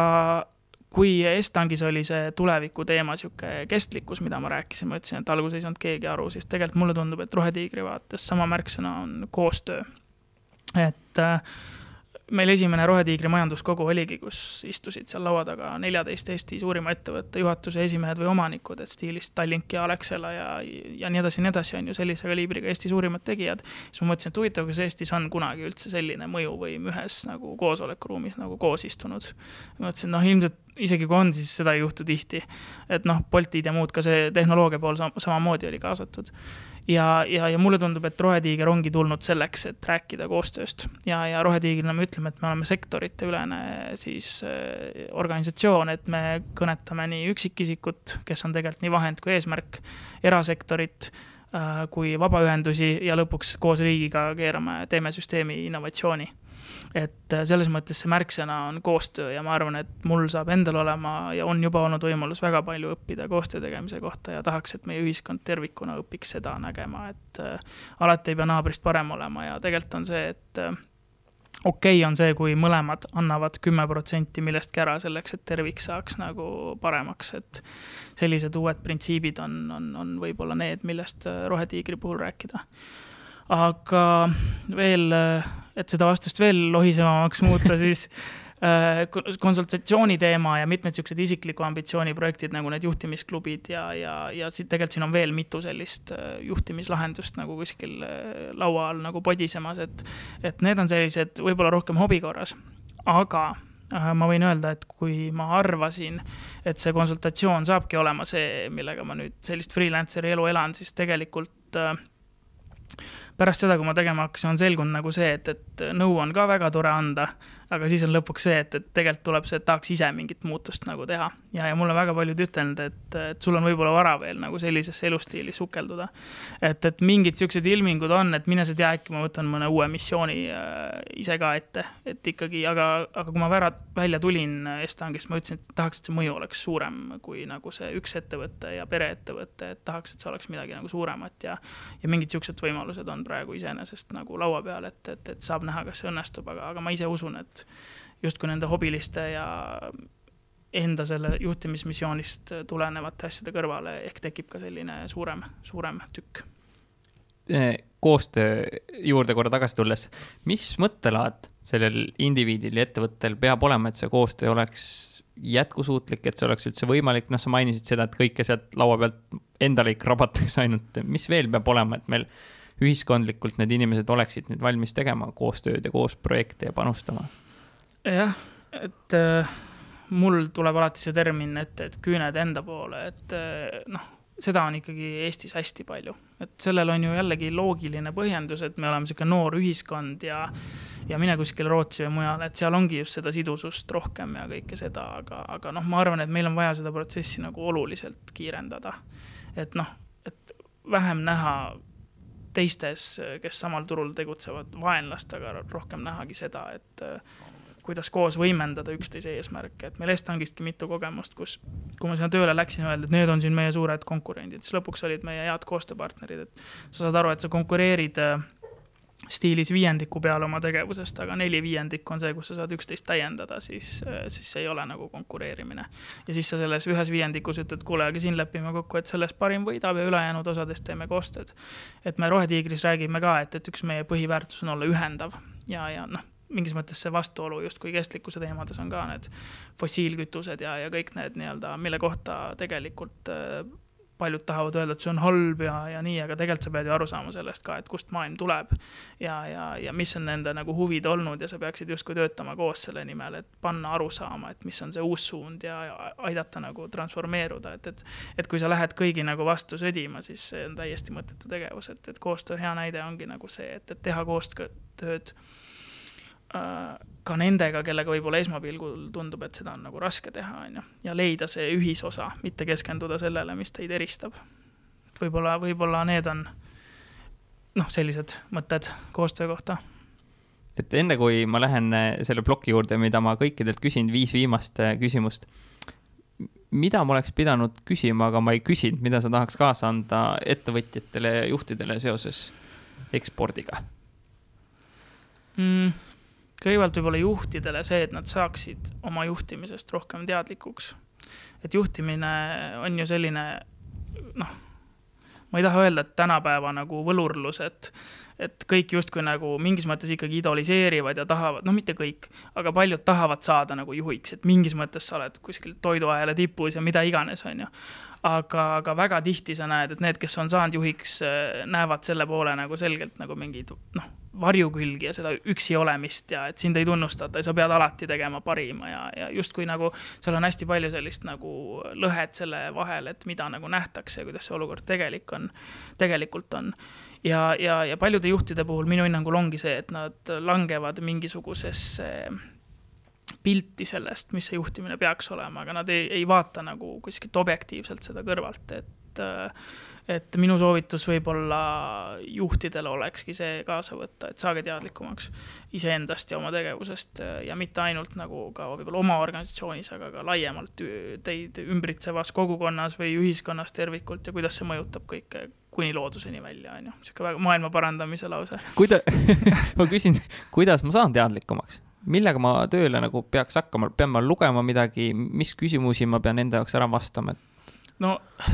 selliste soovitustega on alati nagu hästi keeruline, et äh, iga inimene on kuskil endaga. et kui sa ütled, näed, loen nüüd seda raamatut, siis sina said sellest võib-olla kasu ainult tänu sellele, et sa olid enne viis mingit teist raamatut läbi lugenud, et see on selline libe tee. aga kindlasti, kui sa tunned, et sa tahad areneda juhina, siis ongi mõistlik nagu suhelda nende inimestega, kellega sa nagu klikid ja kellest sa saad aru, et kellelt sul on õppida ja, ja, ja miks mitte siis noh, kõik moodsad terminid nagu coaching ja mentorlus või näiteks seesama minu poolt tehtav juhtimisklubi, leida mingi klubi või leida selline väljund, äh, kellel on sarnane perspektiiv ja, ja kellega koos võiks seda rada nagu käia, sest juhid jäävad päris tihti nagu üksi. Äh, et, et siis pärast seda töökogemust lähed koju ja seal on sul see perekogemus ja seal on sul see vastutus ja tihti sa tunnedki, et sa justkui oled nagu hädas. aga ekspordi poole pealt siis äh, lihtsalt panna on vaja, noh, see on mingisuguse Eesti ettevõtte slogan äkki, ma ei tea, Pipedrive või keegi. aga, aga see selles mõttes kehtib, nagu ma enne ütlesin, et mul ei jäänud üheltki kontaktreisilt nagu kaup toomata ja, ja iga asi, mis ma ette võtsin, andis midagi, et ükskõik, mis sellel ekspordi suunal nagu tehtud sai, oli kasuks. ja see ei tähenda, et peaks nagu lahmima, aga see tähendab, et ei peaks leidma äh, vabandusi kogu aeg, miks äh, mitte nagu mingeid asju ette võtta, millel sa kohe ei näe seda instant gratification'it, et kohe, kohe saad äh, kuldmune, muneva hane, on ju. et selles mõttes, et tehke, tehke neid asju ja tehke ka neid, mida, milles on raske näha nagu kohe tulemust. ja, ja siis, siis see tulemus tulebki. kas sul juhina oli endal ka coach olemas, kes sind aitas ja nõustas ja peegeldas uh,?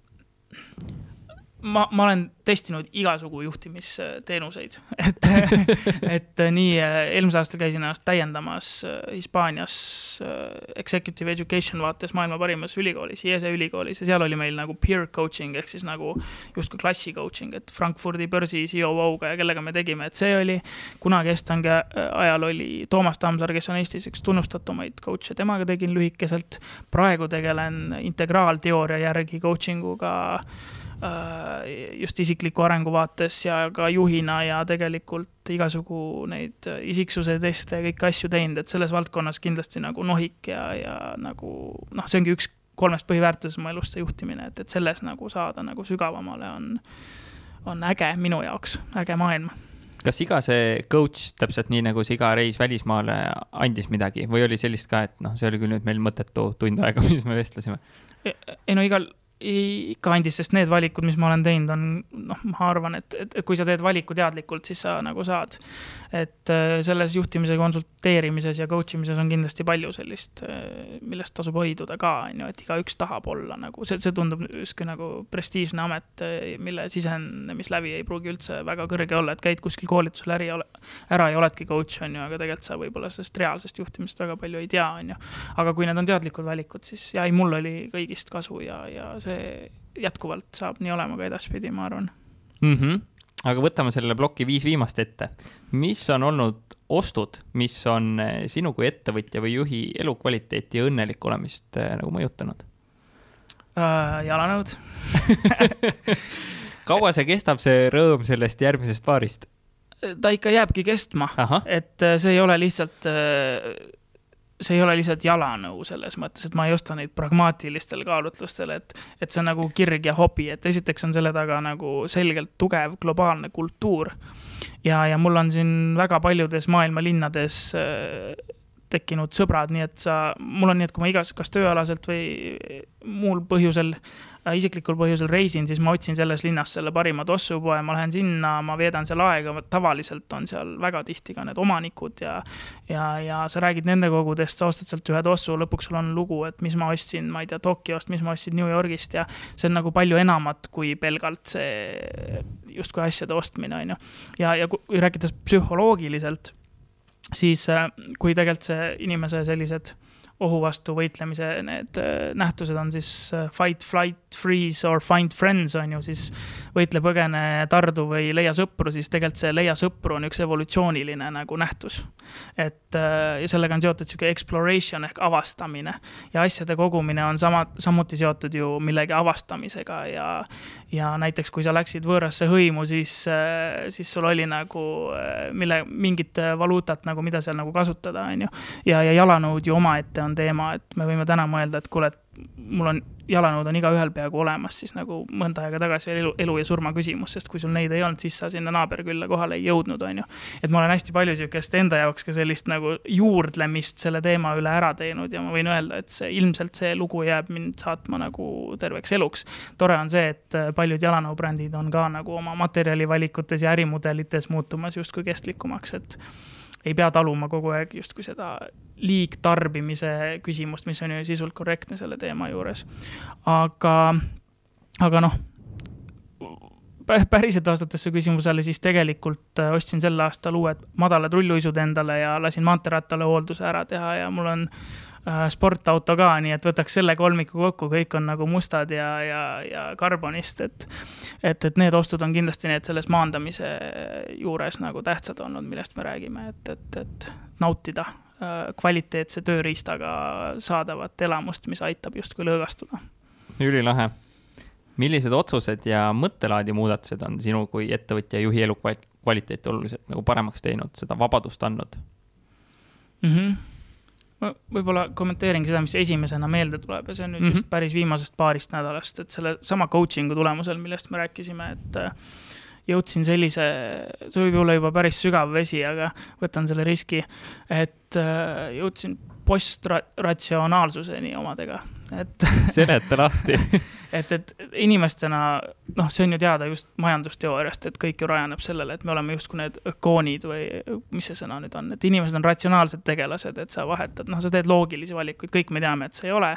nii, selleks on see behaviorism on ju, mis äh, põhjendab ära meie need äh, bias'id või need jällegi ei tea eesti keeles. eeldused. jah, et, et, et mis me nagu, aju teeb iseenesest, meie see loomalik pool, alateadvus on ju uh, ja sellest nagu justkui lähtudes, et sama see ratsionaalsuse nagu mõtlemine, et alati sa teed neid valikuid nagu selle järgi, et kuidas tundub lineaarselt korrektne. et äh, aga ma olen jõudnud selle nagu vabaks laskmiseni, et ilge luksus on teha mitteratsionaalseid valikuid. et ma lähen ringiga sinna koju täna või, või noh, see on muidugi lihtne näide, aga seda annab elus igale poole laiendada, et, et mul on seda capacity't, võimsust ja, ja luksust teha selliseid valikuid oma elus. näiteks seesama, et sa oled saanud ettevõtte juhiks, töötanud selle üles, siis otsustad päevapealt, et no mul on siin missioon tehtud, ma tahan minna avastama järgmist asja. et see nagu üldine vastuvõtt ja peeglik, peegeldus on see, et noh, mingis mõttes, kas sa oled nagu hulluks läinud ma arvasin, et sa jäädki sinna, on ju. sa ütled ei, et lihtsalt see tundub õige, on ju, ja mul ei ole, ei olnud ka tol hetkel mingit väga konkreetset plaan B-d, et olid küll aimdused ja, aga, aga teha selliseid valikuid. ja ma annan endale aimu, et, et, et selleks, et jõuda nagu päriselt selle, selliste kontseptsioonide enda elus rakendamiseni, on vaja igasugu teid käia ja avastada. aga see on olnud sihuke väga suur vabanemise kogemus, et kui me räägime sellisest vaimses arengust nagu mindfulness'is ja sellest hetkes olekust, et siis sa kuidagi intellektuaalse raamistiku kaudu jõuad selleni, et kuidas sa saad olla vaba sellest eh, orjusest, mida sa inimesena iseendale justkui kogu aeg ehitad, et et, et see on võib-olla rohkem inimesena isegi kui juhina, aga aga ma jätaks vist selle, kuna need on sul siuksed rapid fire küsimused, ma jätaks selle mõtte siit. väga hea vastus sa ütlesid, et nende raamatu soovitustega on väga libe tee. ma küsin, millised on kolm raamatut sulle, olnud kõige olulisemad sulle kui juhile ja sulle kui siis ka Estankis osanikule? ma ütlen võib-olla autorid mm. -hmm. Uh, et pikka aega ma ise ka tundsin, et ma ei ole selline, kes kedagi idoliseeriks või kuidagi nii, aga ja olles lugenud väga palju erinevaid autoreid, ürit-, kuna meil on hästi lihtne tarbida seda lääne kirjandust, aga olles püüdnud nagu ka mujalt seda nagu tarvitada, mitte ainult seda, mis USA-st tuleb, justkui selline edukultus, padukapitalism ja nagu see, et äh, ühel hetkel jõudsin nagu kolme äh, tegelaseni, et üks on väga nii-öelda peavoolu tegelane Simon Sinek ja tema puhul ma jõudsin nagu kõigis nendes raamatutes, mis ta on kirjutanud, olen jõudnud selleni, et kuule, väga hea, et ta selle raamatu kirjutas, sest et muidu ma oleks ise pidanud selle raamatu kirjutama, siis ma olen tundnud hästi palju samastumist nende väärtustega, mida ta kirjeldab. siis äh, teine on nagu turundusmaailmast on Seth Godin, kes on samamoodi omal, noh, jällegi niisugune mainstream autor, aga, aga tema mõtted kuidagi alati tabavad mind nii, et, et nad on mulle abiks ja ta on kuidagi jällegi see eheduse faktor on väga suur. ja, ja üks on võib-olla nagu mitte nii siis äh, levinud, on siis Kjell Nordström, kes on nagu Rootsi ülikooli professor ja temaga oli nii, et temaga äh, Äh, kunagi Nordic Business Forumil ta esines Stockholmis ja, ja seal ta nagu lõi mu täiesti pahviks oma selle esitusega ja pärast seda ma ka tema raamatuid hakkasin vaatama ja tema selline ehe juhtimismõtlemine ja saada just seda nagu Rootsi ühiskonna sellist äh, minu, minu jaoks nagu väga arenenud mõtlemist äh, oli nagu väga puudutav, äkki Funky Economics on üks ta põhiraamatuid, ma loodan, et pealkirjaga ei eksi. aga, aga neid on veel, et ma jätaks need kolm nime, Seth Godin äh,, no, juhe, Simon Sinek ja siis äh, Kjell Nordström, et need kolm nime. mis sind pahviks lõi tema esitluse puhul? väga päris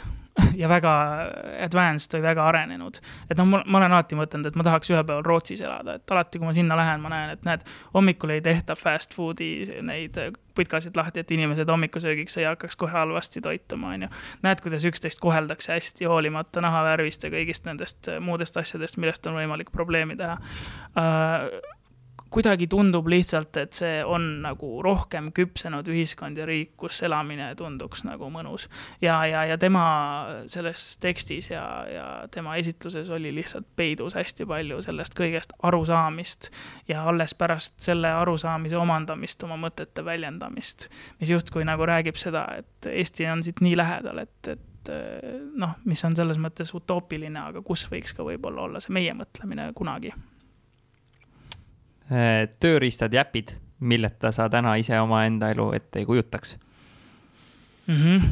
see on ka niisugune minu jaoks äh, paradoksaalne küsimus, et ma olen ilge biohäkker olnud, et äh, kõik need podcast'id on olnud minu elus ka kümme pluss aastat ka psühholoogia teemadel, just nagu füüsilise arengu teemadel, enda mõõtmiste teemadel, et mul on kõik läbi käinud need e-, justkui nagu kõrgema otsa need enesemõõdistamise seadmed ja kõik need, et Whoop Band ja Aura Ring ja kõik sellised äh, vahendid on, aga, aga ikka jälle ma kuidagi, kuidagi jõuan selle juurde tagasi, et ma ühel hetkel panen need jälle nagu kappi ära, et see vabadus, see ratsionaalne vabadus. et, et, et kui sa jõuad mõistmises selleni, et su intuitsioon juba peab paika, et sa oled selle musta töö ära teinud, siis ma arvan, et mul on alati küsimus, miks sa jooksma minnes oma seda pulssi nii väga vaatad, sa ju, et loomulikult, kui sa oled tippsportlane valmistudes võistluseks, see on väga väga tähtis. aga kui see ei ole päris see tase, siis, siis noh, et paljud sellised äh,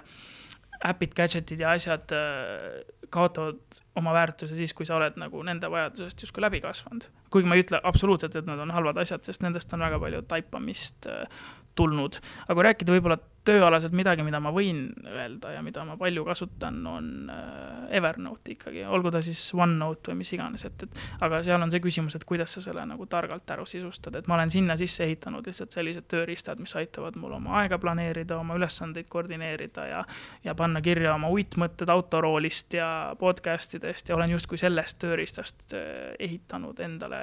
sellise infokataloogi, mis töötab mulle ja jah, ja, ja, ja võib-olla lõppu ütleks, kordaks veel kord seda, et kõige paremad äpid ongi äh, uni ja, ja, ja trenn ja, ja voodi, et, et mitte üle obsessida. kus sa seda Evernote'i süstematiseerimist, kas see on su enda loodud süsteem või sa internetis jälgid kedagi? ei äh,, kunagi oli üks raamat, äkki oli Productivity Ninja või? et äh, ühe raamatu läbilugemisest mulle nagu piisas, et kui enne ma tundsin, et mul on kogu aeg nagu segadust äh, nende asjadega, noh, sealt saab kõik need asjad, et mailbox nulli ja kõik need muud väga-väga mitmed põhimõtted, siis sealt ma äh, ehitasin ka selle üle, aga ma olen hiljem seda nagu justkui artiklitest ja, ja mujalt saadud info kohaselt justkui nagu enda jaoks modifitseerinud, mis tundub loogiline, et, et ühe raamatu najal tegelikult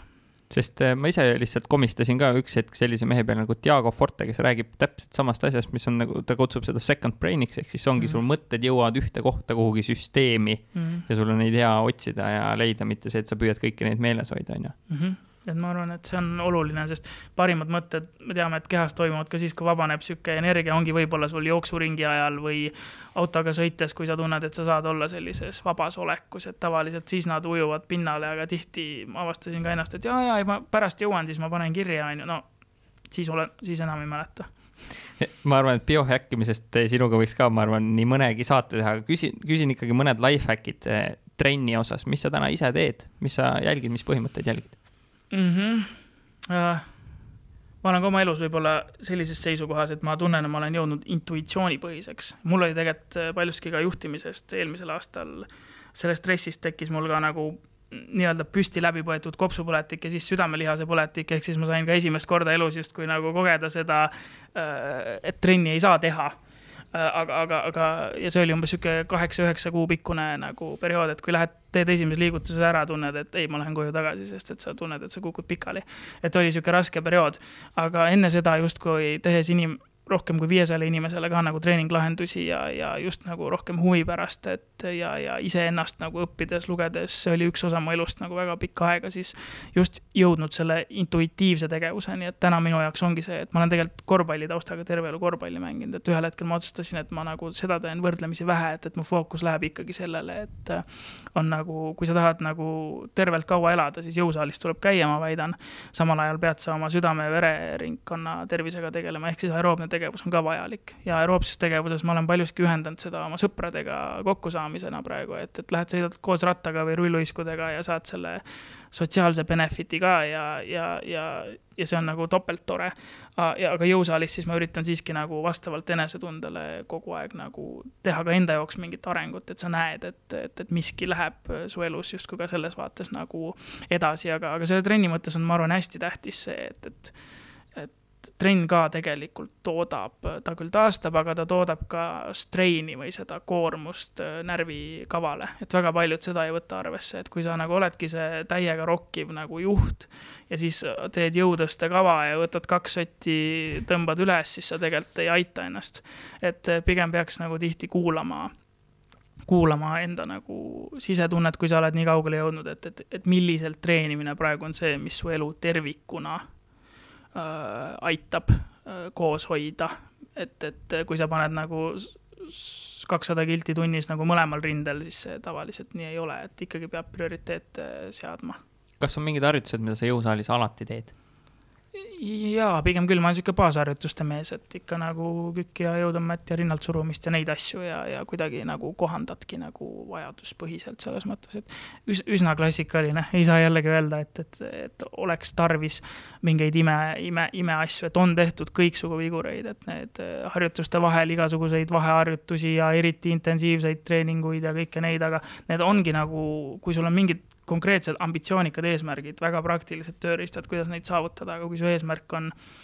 elada tervelt äh, elu ja loodetavasti näha paljalt hea välja, siis äh, ma arvan, et äh, seda peab hoidma justkui sellises tasakaalus. selle jaoks, et paljalt hea välja näha, tuleb õigesti toituda, kuidas sa õigesti toitud? Jah, see on nagu suur väljakutse, on ju, et kui vein maitseb ja, ja, ja mingid sellised kiusatused on nagu olemas, on ju, siis uh, mul oli ka sihuke olukord, et äh, äh, umbes paar aastat tagasi tekkisidki ka töö, tööstressist tulenevalt siuksed seedeprobleemid ja, ja see pani nagu väga kõva jälje ja siis mingi hetk vahe oli see, kus ma toitusin ainult vedelast äh, umbes neliteist päeva. et jõin kolm korda päevas nagu äh, aminohappeid põhimõtteliselt ja siis ma sain nagu tol hetkel aru, et äh, kui vähe inimene peab tegelikult nagu sööma et see kogemus jõudis nagu väga omal nahal nagu kohale. ja, ja see on nagu miski, mis mu peas justkui nagu tiksub. et see on nagu kõik on selge, et söö tervislikult ja madal glükeemiline indeks ja noh, kõik need asjad, mida keegi ütleks. aga, aga kõik inimesed peaks sellest aru saama, et inimesel on vaja oluliselt vähem, kui palju sa nagu iga päev sööd et ja jällegi siin on nagu sihuke eluetapp, ma ütlesin ka, et, et olid terviseprobleemid, siis uus suhe, mis tänaseks lõppenud teise abieluga, on ju, siis on vaja rohkem koos istuda, jõuad vähem trenni, joodki veini, on ju, et kõige sellega tuleb nagu arvesse võtta, et su elus on mingi etapp, kus sa oled, ole teadlik, ära ennast beat up'i või ära endale sellepärast nagu peksa anna, on ju, et, et hiljem jõuad selle viis kilo nagu maha ka nagu treenida, on ju. aga, aga, aga võta seda tervikut arvesse, et, et kus sa oma elus oled, aga tegelikult mõtle sellele, et sa pead oluliselt vähem sööma, kui sa täna sööd. aga kui mul on nälg kogu aeg Uh, siis mõtle, miks sul see nälg on kogu aeg, et ilmselt sa oledki siis võib-olla mingisuguse, ma ei tea, glükoosiori või sa oled harjunud seda laksu saama, et siis on võib-olla võõrutusnähtudega tegemist. ja, ja hea meelega siis, kui juba sihuke küsimus, ütle midagi provokatiivset ka välja, siis ära söö hommikust, on minu soovitus. olen äh, täiesti ka selle, selle fänn, et mul on ka intermittent fasting, et hommikuks äh, väike tee ja, ja see on väga hea ja mõistus on teravam kui kunagi varem, noh mm. -hmm. ja siin võib tulla sellele podcast'ile mingeid kommentaare, kui keegi seda kuulab, et kuidas te julgete sihukest asja soovitada. aga see on jälle hea näide sellest, et kui sa oled mingist teemast läbi kasvanud, siis võivad tulla sellised tähelepanekud ka, et sa arvasid terve elu, et kõik on ütelnud, kuidas asi käib ja sa saad aru, et ei, see asi käib hoopis vastupidi. just, mul on ema kogu aeg öelnud, see hommikul putruid, sa kasvad tugevaks meheks, vaata. ja, ja, ja külm teeb haigeks, aga noh, tegelikult külm teeb ilmselt tugevaks hoopis, et eh, selliseid tähelepanekuid leiab. Eh, uni sa oled tõenäoliselt väga palju oma und mõõtnud, eh, Aura ring, Whoop, eh, mis on sellised asjad, mis sul on sinna unerutiini käivad, mis peavad olema tehtud, sa mainisid pimedat tuba. ja mõni aasta tagasi ma ostsin juba, algan sellest pihta, prillid, mis siis blokeerivad seda sinist valgust, et elu muutev Äh, isegi kui sa ei ole prillikandja, soovitan ikka osta ja proovida. et äh, juba iseenesest sul õhtul voodisse minnes see justkui ärevuse tase on palju madalam tänu sellele, et sa lihtsalt blokeerid suurema osa nendest. et sisuliselt, kui paljud panevad monitorile endale selle katte, siis sul on see kate kogu aeg silme ees. et prillikandjana on hea, see on lihtsalt üks lisakiht sul seal prillide sees. mis prillid sa ostsid, mis bränd? Äh, no mul ongi see, et, et kuna ma ostan prillid endale niikuinii siis äh, nad panevad ühe kile vahele. Okay. aga, aga sellel on olemas, sellele jääb igaüks äh, ka päriselt need brändid ja need on odavad, selles mõttes see ei ole kallis investeering, et ma ütleks, et sellest tasuks pihta hakata, see võib muuta kõike. Äh, et minu nagu selline rahulikkus nagu oluliselt õhtuti, ma tundsin vahet, kui ma hakkasin neid prille kandma. aga oma toas selgelt värvisime, noh, uude koju kolides umbes viis aastat tagasi selle toa nagu justkui koopavärvi, hästi tumedaks, on ju, samamoodi tumedad kardinad, tume voodipesu, ei ole valgustust, mis plingiks toas, kõik sellised asjad, mida teavad need, kes selle asja vastu huvi tunnevad. ja, ja mul on pigem läinud hästi, et Äh, unega, et, et jään kergelt magama, aga, aga sinna juurde päris tihti käivad kuskilt kõlaritest äh, mingid nii-öelda binaural beats, jälle meie eesti keeles on raskusi mm, -hmm. ja sellised eterlikud õlid ja, ja, ja näiteks Bose Sleep Pods'id on mul, et kui ma nagu kodust välja lähen, siis mul on sihuke pillow mist on siis padjale sihuke spreitav nagu mingi une lavendliõli ja siis ma panen need Bose Sleepwatchid endale kõrva, et, et siis mul on see, et ma võin hotellis või ükskõik kus olla, aga, aga ma tean, et ma suudan ennast ka selles nagu keskkonnas nagu hästi tunda ja hästi magada, et, et, et selliseid, neid trikke muidugi hästi palju, aga, aga, aga, aga, aga jah, need on võib-olla peamised. Mis su keskmine readiness oli, see on kõik, kõik Aura ringi kandjad tõenäoliselt mõtlenud, ütle, mis on Mihkli readiness uh,? Whoopi pealt tuleb nagu rohkem meelde, Aura pealt ei julge praegu, ei mäleta äh,. kandsin seda pigem vähe. no ikka pigem hea, aga noh, jällegi ma ei tea, ei tundu kuidagi miski, mida öelda, sest elad elu nagu iga teine, vaata. et, et, et mul on üks teema ka, et, et väga tihti pole antud seda, et läheks kell üheksa või kümme magama, kui see sweet spot on, et peaks minema, et tihti ikka jääb ta siukse kesköö peale, et, et tahad õhtul mingit sarja ka vaadata ja nii edasi, et, et ilmselt, ilmselt on osadel inimestel oluliselt kõrgemalt need, kõrgemad need readiness score'id ka nagu aga annab juhtida ja teha väga palju, nagu näha, on ju ka madalamate skooride peal. ja, ja nad kindlasti ei olnud ka madalad mm. -hmm. fookus ja produktiivsus. Kuidas sa enda fookust hoiad, kui sa istud arvuti taga, et teha seda, mida sa tegema sinna tegelikult läksid mm? -hmm. no need on jälle sellised samad nip, mingid nipid, et äh, emaili uuendan ainult manuaalselt ja ja, ja, ja telefonis üldse mul emaili pole sisse pandud ja noh, mingid sellised paljud, mis võivad olla segavad faktorid, et paljuski on viis aastat olnud ikkagi ettevõttes äh, kogu aeg inimeste keskel, siis praegu väga naudin seda perioodi, kus äh, saan teha paljusid asju kodust või käia kohtumistel nagu linnas, et sa justkui lõppkokkuvõttes sa ise kujundad seda keskkonda, milles sa midagi teed, et ma, ma jagan tihti nagu plokkideks äh, oma nagu mõtteliselt seda, et millal mul on vaja kasvõi Rohetiigris, et mingi plokk, et mul on vaja inimestega suhelda, mingi plokk, ma pean panustama mõttetööd mingiteks ideedeks ja siis ma nagu loon selleks õige keskkonna, et, et võimalikult vähe segavaid faktoreid saaks olla mängus. Ja loomulikult ei ole ideaalset maailma, aga, aga sellega sa ikkagi liigud nagu õiges suunas, et kui sa tahad mõttetööd teha, siis neid segajaid hüppab sisse vähem, et, et justkui see Pomodoro efekt, et kui keegi sind segab, et siis see kuus minti tegelikult nagu noh ma ei tea, Facebookis tuleb mingi notification, siis tegelikult sa alles kuue mindi pärast oled selle oma peast välja lülitanud, et, et need on vaja nagu välja lülitada. Eh, kui inimesed tahavad sinu kohta rohkem teada saada ja uurida, siis eh, mihkeltammo.com, ma saan aru, on see koht, kus eh, sinu kohta infot leiab? jah, see on selline võib-olla baas, et kus ma mõtlen selle peale, et hakata järjest rohkem kirjutada, kirjutama ka ise nagu juhtimisteemalisi artikleid, et äh, seal on ka meediat hästi palju, et mida ma olen teinud, artikleid ja nagu ka see siin selliseid äh, podcast'e ja muud. Ja, ja Instagramis võib alati follow ida, et ma arvan, et see on selline koht, kus väljendub selline igapäevane päris äh, elamine ja, ja mitte ainult see nagu sotsmeedias käib, et näitad kõike head, vaid näitad nii, nagu päriselt on, et, et ise tunnen, et võib-olla oleme, olen vist siis ikkagi noor veel kolmekümne ühe aastasena, et justkui noorte nagu platvorm, aga, aga isegi naudid sealt seda vahetust nagu rohkem. kui sa noor oleks, siis oleks seal Tiktokis või võib-olla sa oled seal ka või? See ei ole, aga, aga vahepeal on lõbus vaadata küll seda, mis seal toimub kuidas see, mis nime alt sind Instagramis üles leiab no,? minu nimega Mihkel Tammo, et, et see sihuke lihtne lähenemine.